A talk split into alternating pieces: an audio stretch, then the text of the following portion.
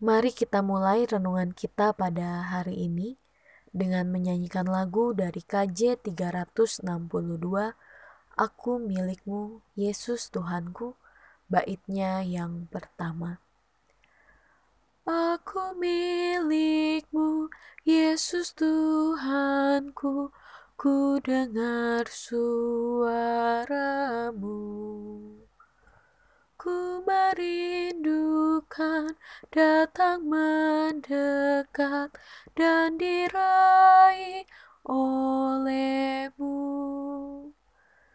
Raih daku dan dekatkanlah pada kaki salibmu.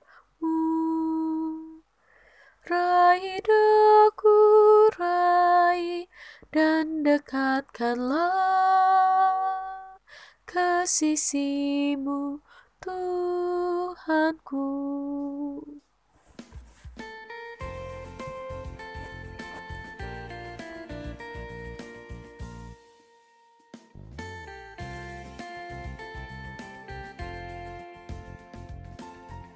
Mencintai dan melepaskan bagian pertama, pengampunan. Masa lalu adalah bagian dari kehidupan setiap orang. Kita belajar melalui banyak pengalaman yang kita lalui dari pilihan yang kita pilih dan jalani. Di dalam pengalaman itu, kita menemukan kegagalan dan pertumbuhan. Kita pernah menyakiti orang lain dengan pilihan yang kita ambil. Namun, kita juga pernah menjadi korban dari kegagalan orang lain. Tidak jarang, Gesekan di tengah perbedaan dengan orang di sekitar kita justru menghasilkan perselisihan yang berakhir dengan rasa kecewa. Bahkan dalam banyak peristiwa, kekecewaan terbesar justru kita dapatkan dari orang yang begitu dekat dengan kita. Masalah sederhana saja, bila disepelekan dan terus-menerus disimpan dalam kekecewaan, dapat berbuah menjadi kemarahan bahkan dendam apalagi bila pengalaman pahit tersebut berasal dari kesalahan yang fatal. Kita dapat memasang tembok pembatas yang begitu tinggi untuk menolak dengan tegas kehadiran orang yang menyakiti kita. Rasanya, untuk melihat orang itu saja, kita sangat kesal dan ingin menghindar. Begitulah besarnya pengaruh yang dapat dihasilkan dari pengalaman pahit kita di masa lalu. Mirisnya, dendam dan rasa kecewa itu juga dapat ditunjukkan untuk diri kita sendiri. Pemicunya dapat berasal dari kegagalan kita, atau bahkan penyesalan terbesar kita. Ditambah lagi dengan ekspektasi yang hadir dalam lingkungan sosial kita. Sekali lagi, rasa kecewa dan dendam yang ada dalam diri kita akan selalu berkaitan dengan masa lalu kita. Sebagai orang Kristen, kita selalu mendengar tentang kasih. Kita belajar mengekspresikan kasih dengan pengampunan. Walau dalam kenyataannya, kita sering meremehkan arti pengampunan dalam relasi kita. Kata maaf hanya sekedar menjadi formalitas dan dilakukan untuk menghindari perselisihan. Kita dituntut untuk mengampuni tanpa didengarkan suaranya.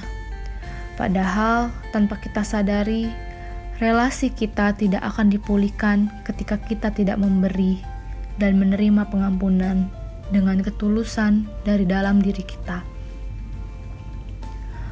Pengampunan adalah sebuah gambaran kerendahan hati yang besar dalam pengalaman kita mengasihi.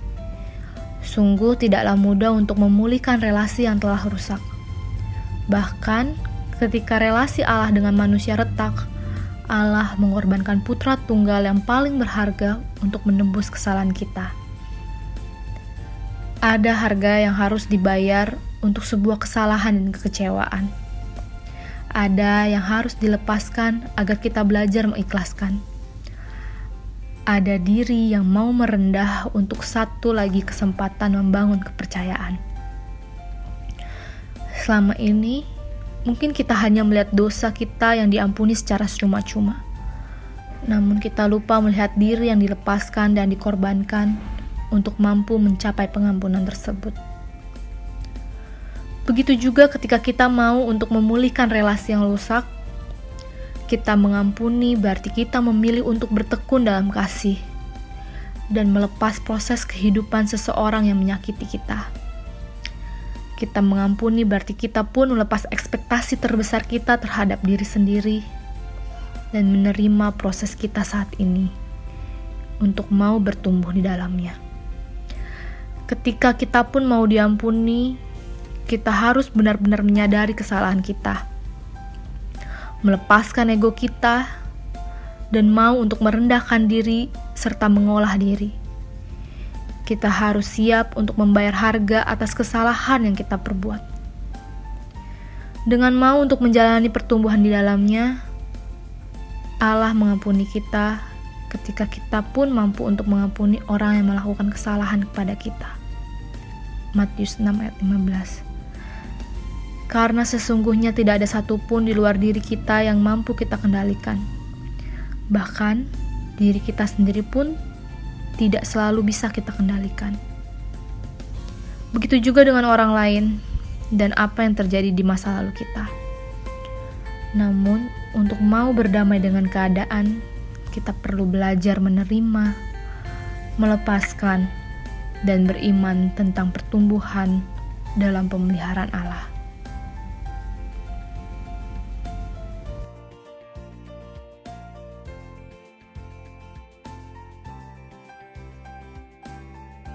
Mari kita berdoa.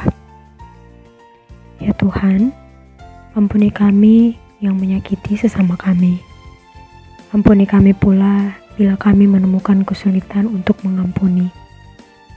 Biarlah di dalam kasih-Mu kami mampu mengolah diri dalam kasih dan pengampunan. Amin. Demikianlah renungan keluarga kita di hari ini. Tuhan Yesus memberkati.